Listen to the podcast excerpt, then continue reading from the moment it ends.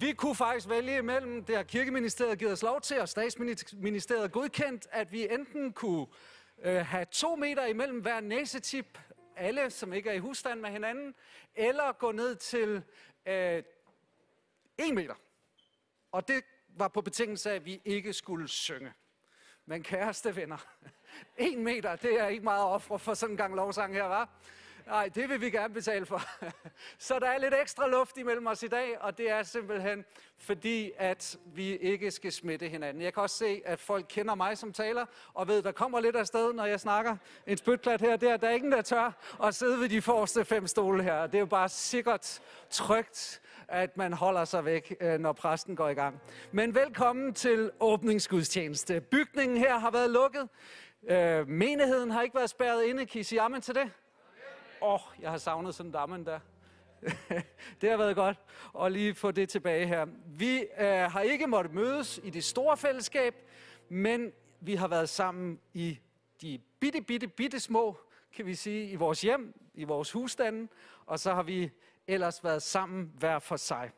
Men hold op, hvor har Jesus været god ved os i den her periode på to og en halv måned, 10 uger. Øh, vi har ikke bare overlevet som kirke. Jeg oplever som præst, og det oplever vi som lederskab, at menigheden er blevet styrket.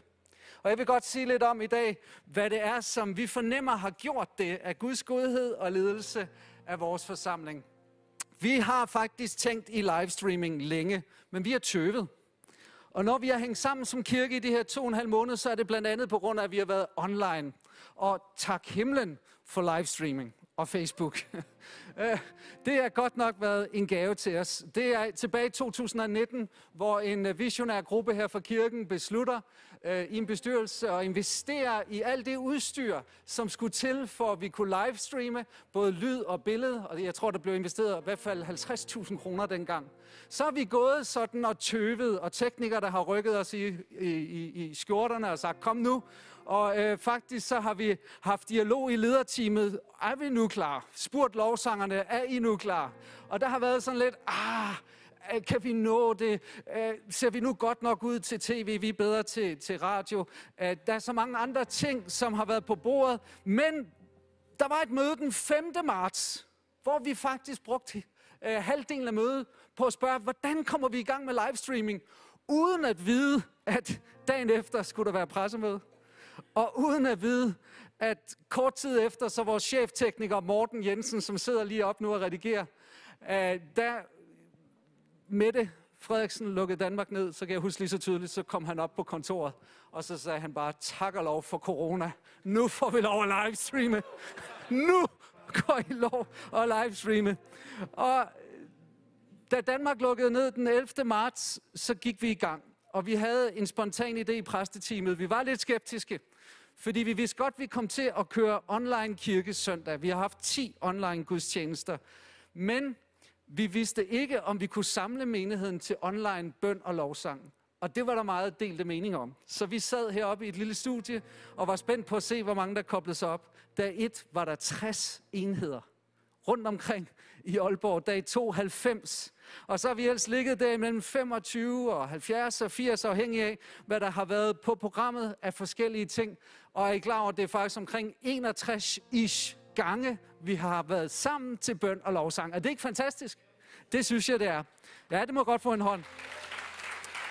Så øh, har der udover det jo været børne videoer med undervisning, der har været teenage games, og der har været andagter for attention, der har været ung kirkegrande, der har været classic live transmission øh, fra øh, Sus og Carstens hjem, fra Ria Carstens hjem. Der har været noget for alle generationer, sågar quiz, øh, quiz hedder det, for connecterne. Det er ikke dårligt, Simon, det har du stået for. Det var, det var stort. Der har været online alfa for vores nye, og så hver morgen har der været ord til opmundring. Det har simpelthen været en fantastisk periode. Så vi har ikke manglet øh, kirkefølelse, om end, hvor mange herinde vil indrømme, I er trætte af at kigge på en skærm. Ja, okay. Ja. Nu vil vi gerne have det levende, fysisk live. Så spørger du, jamen har der været mange omvendelser ud af det? Og jeg vil gerne lige vise jer et par billeder her. Ja, vi har måttet omvende billedet mange gange. Det er, ser det er, trans, det er, det er Facebook-streaming øh, fra først Mathias' hjem. Øh, han havde lidt svært med det tekniske, Mathias. Han kunne både spille og synge. Øh, Simon, han, havde også, han skulle også omvendes et par gange. Karsten og Rie skulle omvendes nogle gange. Jeg selv måtte erkende, at også øh, uh, trænge til omvendelse. Så der har været mange tekniske udfordringer. Men her er der altså billedet her yderst er den første øh, ord til opmundring video, som vi så har leveret hver eneste morgen. Også en 263 har der været ude, og det bliver vi bare ved med. Omkring 25 talere har været på. Den her menighed er rig på tjenester. Er det ikke fantastisk? Ja, skal vi give dem en hånd, dem som har kørt det her? Bare for, bare for at være helt ærlig, så gik jeg ind i den her periode og, og, og hang lidt med ørerne. Det må jeg blankt erkende. For det første, så startede min, lige da, da Mette Frederiksen råbte øh, pressemøde Danmark lukker, så fik jeg en eller anden form for virus. Øh, jeg tror bare, det var influenza. Jeg var meget, meget øm i kroppen og lå svinget op mod 40 i feber. Men øh, der var jo ikke rigtig mulighed for at få en test af nogen slags, så øh, vi, vi blev hjemme, min kone og mig, og hyggede os der. Men øh, jeg havde faktisk lidt svært ved at sove, for jeg lå med bekymringer. Hvordan skal det gå? Hvordan skal det dog gå med kirken? Hvordan skal det dog gå med huset og bygningen her? Det er jo slet ikke skabt til at stå tomt. Og jeg, jeg snakkede med Jesus om natten, jeg snakkede lidt med Jesus om dagen, og jeg snakkede lidt med vores økonomiansvarlige. Jeg sagde, tror du, vi kan få stående lån? Tror du, vi kan få afdragsfri lån? Jeg havde så mange bekymringer og venner. Jeg har bare brug for at sige, Guds godhed gør, at vi går ud af den her periode styrket. Og jeg kan også sige, at budgetterne har ikke bare lige sådan holdt sig, de er faktisk gået lige en anelse op i indtægter. Er det ikke Guds godhed? At han tager sig af os, og øh, vi kan bare glæde os over, at han sørger for sine. Mit budskab i dag hedder inspiration fra isolation. Og jeg tror godt, at jeg vil give mit bud på, hvad Jesus har talt til os og villet os i den her periode på to og en halv måned med 10 ugers isolation. Og jeg kunne godt tænke mig at, at sige lidt om, hvad jeg tror, Jesus har brugt karantænen og isolationen og nedlukningen til. Og jeg tror, det her budskab, som henter sit udgangspunkt i Apostlenes Gerninger 16, så hvis du har din bibel med, så må du gerne slå op der. Den tekst, tror jeg, har en vinkel og en visdom fra Gud og en vision, som ikke bare gælder os som fællesskab, men også dig som individ. Et profetisk perspektiv på de prøvelser, som du også gennemgår. Så øh, vi skal læse det afsnit sammen, stille og rolig sætning for sætning. Den første sætning, der står der her, Folkeskaren gik også løs på Paulus og Silas, og embedsmændene lod tøjet rive af dem og befalede, at de skulle piskes. Beviset på Guds nærvær, kære venner, velsignelse er ikke, at vi undgår modstand. Men evnen blandt os som troende til at modstå den og rejse os op under den. Kan I sige til det? Åh, oh, I skal give mig lidt mere amen, for jeg har savnet det. Åh, oh, det er så godt, det er så godt. Det er et faktum, at Gud er for dig. Men det betyder ikke, at der ikke er noget, som vil komme imod dig. Det vil du med sikkerhed opleve, og faktisk er det sådan, at jo, jo højere din kaldelse er, jo, jo kraftigere kampe, og jo stærkere åndsnærvær du vil leve med, jo mere opposition vil du også opleve. Og det gjorde Silas, og det gjorde Paulus i sandhed. Der står, efter de har givet dem mange piskeslag i hverdagsoversættelsen, står der, hverdagsdansk, der står der, at de fik pryl med stokke. Det har bare gjort ondt, tror jeg, uanset hvilken oversættelse vi vælger. Og der står, at de satte dem i fængsel og gav fangevogteren ordre på at bevogte dem sikkert. Jeg tænker, at den fangevogter, det var en forholdsvis enkel jobbeskrivelse, ikke?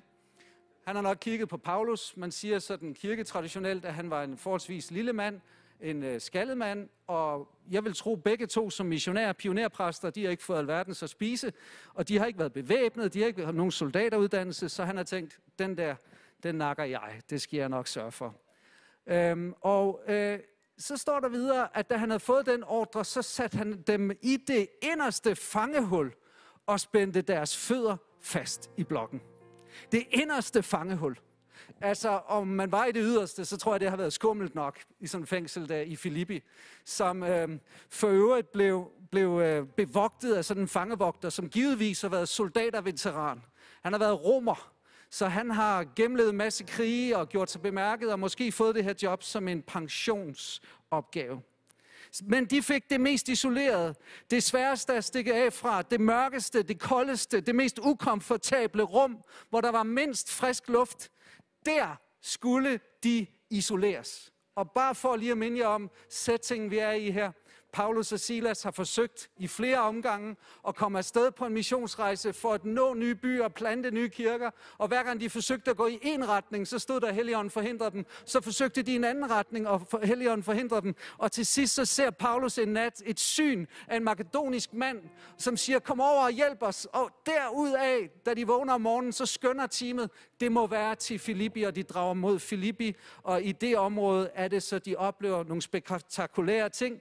Og blandt andet, så på et tidspunkt, efter de har bedt til frelse med en forretningskvinde, velhavende inden for tekstilbranchen, der hed Lydia, som ser de og oplever de det, som giver dem problemer, nemlig en slavepige. Hun havde en spådomsånd, og dem, der ejede hende, tjente gode penge på, at hun spåede over mennesker. Men når hun går øh, forbi Silas og Paulus, så kender hun til hvem de er, og råber nærmest sådan mobbende, eller ånden i hende gør. Dette er Guds den højeste tjener, og de forkynder jer frelsens vej.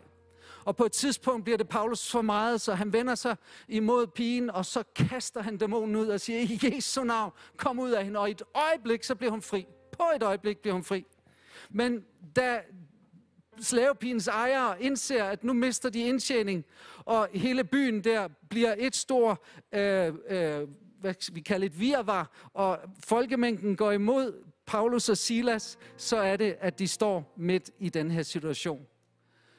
Der står, at deres ben og fødder blev spændt fast i blokken, og nu skal jeg lige have et par stoler op her, Markus, hvis du kan hjælpe mig. For blokken, det var et torturredskab. Det var nogle tunge træblokke, der havde fem huller, to til hænderne, to til fødderne og et til nakken. I den her omgang, så står der, at de fik kun fødderne spændt fast i blokken. Men nu skal I lige forestille jer, hvordan Silas og Paulus måtte have det. Jeg ved ikke, øh, skal vi se. Lionel, Simon, vil du komme op og være Silas? Øh, så kan jeg være gamle Paulus. Det tænker jeg er en ok. De, I skal forestille jer, at de har fået pryl, og deres tøj har været revet af dem. Og det, der var med den der træblok, det var faktisk, den hang på væggen, og så blev benene altså spændt fast. Og man siger, eller jeg har læst, hvis du også vil gøre lidt af det samme, Silas, jeg vil da ikke være enig i min lidelse, så har de ligget dernede, og så har benene været godt spredt ud, givetvis. Og ja, for at det skulle være så ubekvemt som muligt. Og der har de altså ligget, og forestil jer lige det kolde fængselsgulv, de har ligget på med ryggen, hvor deres øh, ryg har været fuldstændig revet op af piskeslag. Og nu rejser jeg mig lige op. Du bliver bare ned, Silas. Ja. Fordi så er det, der står ved midnadstid, så sad Paulus og Silas og bad og sang lovsang til Gud, og fangerne lyttede. Prøv lige at sige ved midnadstid på det tidspunkt, hvor fangehullet var allermest mørkt, hvor der, de ikke engang givetvis kunne se hinandens ansigter. De kunne ikke se skærmen med tekster. De havde ingen salmebog. De lå bare der uden powerpoint. Der var ikke noget tekstark. Men der lå Paulus og Silas, og så står der, at de bad og sang lovsang til Gud. Og jeg tænker bare, okay, med Guds kald over deres liv, til at plante en kirke i Filippi. Og så det, sker det her, at de får pryl og stokkeslag og bliver bundet op og isoleret og ikke kan komme ud af et fangehul. Hvad har man gjort? Jeg synes som dansker, det har været okay, hvis de har klaget et eller andet sted. Hvis de har ligget og sagt, åh, Silas, synes du ikke, det er noget møg, det her? Jo, jeg hader det. Åh, jeg hader det også. Åh, jeg troede bare, vi skulle have en kæmpe scene midt nede i byen, og så skulle jeg prædike, og så du kom lidt på, og, og så skulle jeg prædike. Og fedt lyd og lys og sådan noget. Ja, lyd. Åh, så ligger vi bare her. Åh, oh, Silas, jeg kan mærke det nu. Sk- vi ophøjer dig. Vi ophøjer Paulus, Paulus, Paulus, Paulus, Paulus, Paulus, Paulus. Vi Hey, hey, Paulus. ophøjer dig. Paulus, Paulus, Paulus, det er alt for old school det der. Vi skal meget længere frem. Vi skal ind til sådan noget. Take the shackles off my feet so I can dance. I just wanna Ah. praise you. Er det ikke mere sådan noget, vi i? Åh, der, um, ved du hvad, Silas, jeg, jeg, jeg, jeg, jeg kan huske en, jeg har ikke lige tekst nu, men jeg kan huske en fra, fra børnekirken, jeg kan godt lide synge, du som bryder lænker, løser trælles bånd, du som frihed skænker, ved din hellige ånd, frem til dig jeg træder, fra mit fængsel ud, ej en slave længere, men et barn af Gud. Hey, hey, hey. Okay, okay. Prøv vi, vi, vi, skal, vi skal meget længere frem, vi skal meget længere frem. Du kender, kender du den kirke, der hedder Hillsong, Paulus? Ja, ja, jeg har hørt om Ja, de synger ret mange sange, tror jeg. Og øh, de har en sang, der hedder There is power in the name of Jesus Oh, yeah. to break every chain. Woo! Jeg tror mere, det er der, vi er. Åh, Jeg tror ikke, det er mor. søndagsskolen, men jeg tror, det er Hillsong. Silas, man mærker bare, at du er profet. Ja, ja, det er rigtigt. Jamen, jeg er profet. Ja, du er profet. Jeg er profet. Det er så godt. kan I høre det? tak skal du have, du får lige en hånd. så godt. Midt i lidelse, midt i smerte, midt i mørke, midt i isolation, hvad gør de så? De begynder med bøn og med lovsang. Og jeg har bare fået den her tekst sådan på hjertet i de senere dage. Og jeg har bare tænkt på, hvordan at Gud ledte os til at satse på bøn og lovsang hver dag. Det var altså ikke noget, der stod i en plan. Det var en spontan tanke. Vi gik til den første bøn og lovsang, og flere af os, vi tænkte, det her, det duer ikke. Det her, det kommer ikke til at virke, men lad os da bare prøve det. Og når vi så oplevede reaktionen, at midt i isolationen, så kalder Gud os til at gå fra bøn og lovsang en gang om måneden, til at blive ligesom A2-kirken, som mødtes dagligt i helligdommen. Nu har vi lige fejret øh, Kristi Himmelfartsdag, og hvis du læser teksten her fra Lukas 24 og Apostlenes Gerninger 1, og kobler de to billeder sammen. Lukas, det er jo bind 1 af Lukas' øh, værk, som både består af Lukas evangeliet og Apostlenes Gerninger, også kaldet Aktaen til sammen. Og det er interessant, at Lukas skriver til sidst i, i Lukas 24, de tilbad ham, og fyldt med glæde vendte de tilbage til Jerusalem, og de var hele tiden i templet og lovpriste Gud. Det er hans beskrivelse i Lukas af den første kirke efter Kristi Himmelfartsdag, hvor de havde set ham blive løftet op med løftede hænder, velsignede han dem. De tilbad ham og var fyldt med glæde, og de står der, var hele tiden i templet og lovpriste Gud. Så de var hele tiden fyldt af lovsang. Hele tiden lovsang. Og så står der sådan her i Apostlenes Gerninger 1, at da de var kommet ind i byen, gik de op i salen ovenpå, hvor de plejede at opholde sig. De holdt alle i enighed fast ved bønden. Amen. Så her har vi en beskrivelse af den første A2-kirke, at bøn og lovsang var kirkens motor. Det var altså ikke bare sådan en, et reservehjul. Det var ikke et eller andet ekstra udstyr, men det var selve hjertet i menigheden. Og jeg har mærket i den her tid en udfordring til, at vi som kirke får gjort bøn og lovsang til motoren igen. At Gud kalder os tilbage til den første kærlighed, hvor selv midt i mørke perioder i vores liv, selv midt i perioder, hvor det smerter og gør ondt, og vi har al mulig grund til at være tavse, så kalder Gud os til at bygge et alter med bøn og med lovsang. Ja, der må godt være et lille amen der. Og øh, ordet i enighed, det betyder på samme sted, og det kan vi gøre nu. De gjorde det sammen, og bad i samme retning, og ordet for udholdenhed, det græske ord, det betyder at være travlt optaget af noget, og være konsistent i det. Det koster, det koster at holde fast. Og her står der, at det var Paulus og Silas, der sad og var optaget af bøn og lovsang. Nogle gange så har jeg lagt mærke til, at vi som kirke, vi er jo forholdsvis i dansk forhold stor frikirke.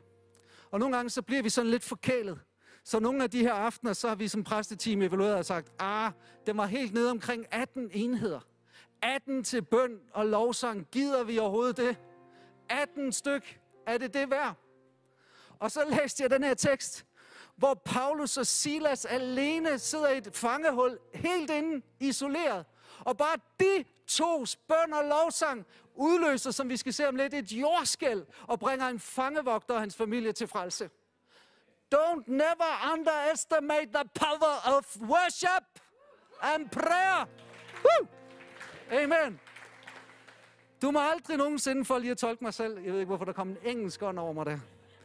Men at du må aldrig nogensinde undervurdere kraften i bøn og lovsang. Hvor to eller tre er forsamlet mit navn, der er jeg midt i blandt dem. Hvor jeg er glad for, at Paulus og Silas ikke havde hidkaldt en kæmpe forsamling ind i det inderste fangehul. Fordi de bliver den mindste enhed som forbillede for os. Der var forhørte heller ikke andre kristne end dem og Lydia og hendes husstand. Og så kunne vi tælle slavepigen med, som var blevet udfriet. En interessant ting, jeg lige bemærkede forleden dag, det er, at der står, at fangerne lyttede. Jeg ved ikke, hvor længe de har siddet derinde, men jeg vil tro, at de var vant til, at de fanger, der kom i det inderste fangehul, de bandede og svoglede og stønnede og råbte og skreg. Nu kom der pludselig en anden musik ind. Og det interessante for mig var at studere ordet for lytte på græsk, der står faktisk, de nød det, som var det musik. Så jeg tror faktisk, det har været lidt mere ala Simon Lionel, end ala mig, sådan sang. jeg tror, det har været lidt mere lydelse i det, end, end, end bare som så. De har sunget så højt derinde med så meget decibel, at hele fængslet har kunne høre det. Og vi har her under coronanedlukningen diskuteret i præsteteamet og i menighedsrådet. Den der bøn og lovsang, vi streamer, skal den være på den lukkede afdeling, var jeg lige ved at sige, på, på den lukkede gruppe af to frivillighed, eller skal det ud på vores offentlige side, så hele Danmark, ja hele verden kan høre det. Og den debat har sådan bølgede lidt frem og tilbage. Og jeg har bare lige set det her vers og tænkt, hold op, fangerne lyttede. Jeg tror, at den største attraktion for os i vores kirke, undskyld mig, det er ikke vores performance, det er ikke vores bygning, det er ikke arrangementer og events, men det er vores bøn og lovsang. Noget af det, som er allermest interessant for mig, det er at snakke med Erik, der sidder hernede midt i salen, som øh, begyndte øh, at følge os under coronakrisen, fordi en kollega til ham havde delt online linket på gudstjenesten, og han fortalte mig, da vi mødtes en dag, at øh, det var ikke bare gudstjenesterne, han så med på, men han fulgte med også på bøn og lovsang. Og han siger, det gjorde noget ved mig. Og, og, og nu sidder han her i dag. Godt at se dig, Erik. Skal vi give ham en hånd?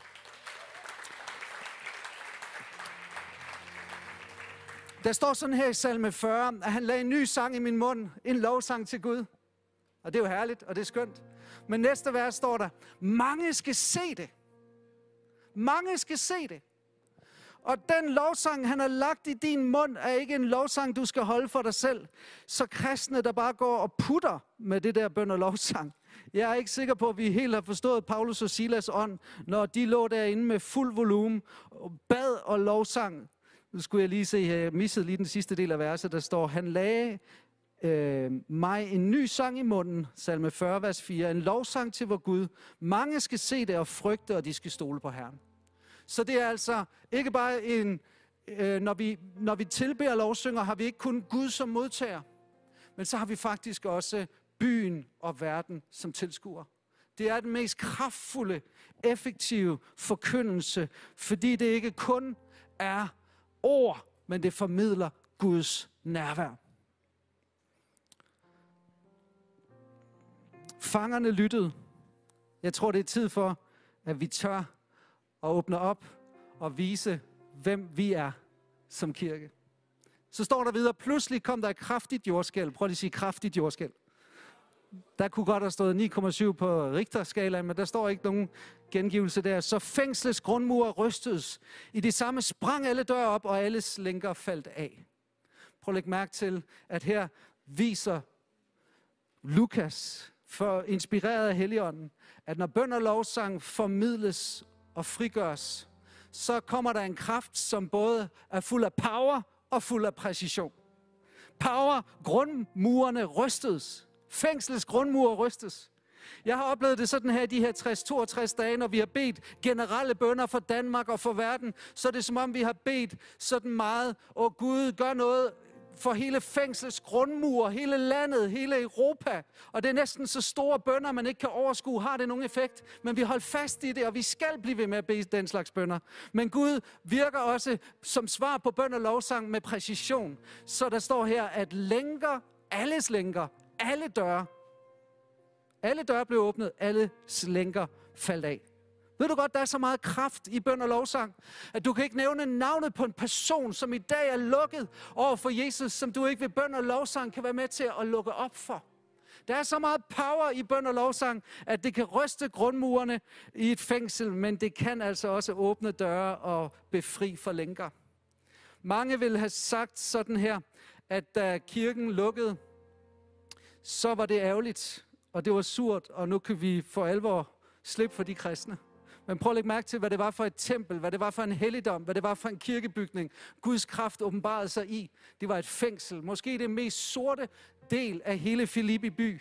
Der sandede menighedsplanterne, Silas og Paulus, at Guds kraft kunne manifesteres for første gang i Filippi. Det var ikke i de hellige domiciler. Det var ikke i de store kristne katedraler. Det var et fængsel i en cellegruppe derinde, hvor Guds kraft viste sig først. Og der Jens, der sidder hernede bagved, han, han delte med os i mandegruppen online på Messenger-tråd det her billede, som I måske kan se, der står, uh, Satan siger, med covid-19 har jeg lukket alle dine kirker, Jesus. Så svarer Jesus lige modsat. Jeg har lige åbnet en kirke i hver eneste hjem. Kan I sige amen til det? Der er sket noget her under corona. Vi kom ud af vores bygning, og måske var det det rigtige tidspunkt. Fordi vi var lige blevet så glade for den og troede, det var bygningen, der gjorde det. Så blev bygningen lukket. Og så erkendte vi, at kirken er ikke afhængig af nogle bygninger eller katedraler. Kirken er bare afhængig af en eller to eller tre personer, som mødes i Jesu navn og åbner for bønden og lovsangen sluser. Så kommer Jesus, så virker hans kraft, så falder lænkerne, så åbner dørene, så ryster fængslets grundmur. Så lad os holde fast i det, at til trods for, at vi kan være i en ubehagelig isolation, så ser vi, at vi kan blive drevet af en vision og fuldføre vores mission. Og jeg må bare sige, at den her tid har bygget Kristi Kirke i vores fællesskab som aldrig før. Og øh, det her jordskæld, det ryster, og det øh, var interessant, at der skete alt det, uden at fængslet faldt sammen. Men øh, det, der sker, det er så, at der står, at fangevogteren blev vækket af sin søvn, og da han så alle dørene stod åbne, så greb han et svær og ville dræbe sig selv, for han troede, at fangevogterne, eller fangerne var flygtet. Men Paulus råbte med høj røst, gør ikke en ulykke ved dig selv, for vi er her alle sammen. Prøv at lægge mærke til, at ud af det karismatiske bøn og lovsang virker Guds kraft. Og det første, der sker, det er et kald til diakonal tjeneste. Det her, det er budskabet håndsrækning. Midt i det her, så oplever vi faktisk, jeg tror det var Simon Lionel, som lige var øh, her på platformen før, oplever et kald til at starte håndsrækning som noget socialt arbejde, hvor vi siger til hele byen, har nogen brug for hjælp, så hjælper vi gerne. Vi vil være gode nyheder, ikke bare tale gode nyheder. Og den her fangervogter vidste, at hvis de her fanger slap fri, så ville de få den samme straf som fangerne, så han kunne lige så godt begå selvmord med det samme, og slippe for den vandærende fornedrelse, det vil være at få den dom offentligt. Så bedst som han skal til at tage livet af sig selv, så råber Paulus og Silas, stop, stop, stop, vi er her alle sammen. Lad være med at tage livet af dig selv. Og der kommer en periode nu, måske i efterkant af corona, coronakrisen, hvor vi vil se mennesker blive arbejdsløse. Skæbner, som har skabt livsværk, pludselig går ned ad bakke. Og vi ved fra finanskrisen, at nogle af dem bliver livslede, kede af det og kommer ud til selvmordsrand, hvor vi som kirke bliver sendt afsted med budskabet, lad være med at gøre ondt ved dig selv. Han kom med liv, og liv i overflod. Vi er her alle sammen, vi er her for dig, vi er her for at hjælpe, og Gud kalder os til diakonal tjeneste. Og det fantastiske er, at den her øh, skal vi kalde det middelklasse ansatte europæer. Det var den første europæer i verdenshistorien, der blev troende. Det var en fangevogter. Han var italiener. Han talte sproget øh, i, øh, italiensk. Han var soldat. Han får evangeliet. Og han var egentlig tryg i sit job. Han havde fast indkomst. Han havde status i byen.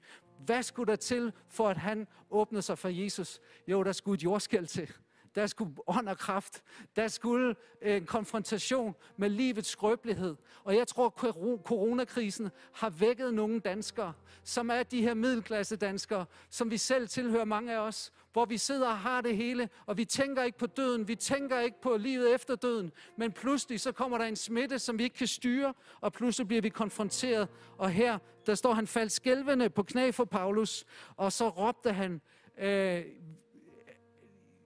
vi, øh, gode herre, hvad skal jeg gøre for at blive frelst? Han var i syndenød. Han var bragt til hans knæ. Det var ikke kun fængslet, der rystede, det var hans knæ, der rystede. Og så står der videre, at øh, de svarede, tro på Herren Jesus, så skal du og dit hus blive frelst. Og her til sidst vil jeg bare sige til dig, som endnu ikke har Jesus i hjertet. Evangeliet med fire ord, det er tro på Herren Jesus. Det er hele evangeliet i nødskal. Mere skal der ikke til en tro og tillid til Kristus. Så pur der rent i det evangeliet. Og så siger de, så skal du og dit hus blive frelst. Og måske du har taget imod Jesus, men din familie, dit slægtstræ, din husstand, dit netværk har ikke endnu. Så skal du vide, at løftet gælder dig og dine. Dit hus skal blive frelst. Og her tror jeg næsten, det var et profetisk ord, han fik.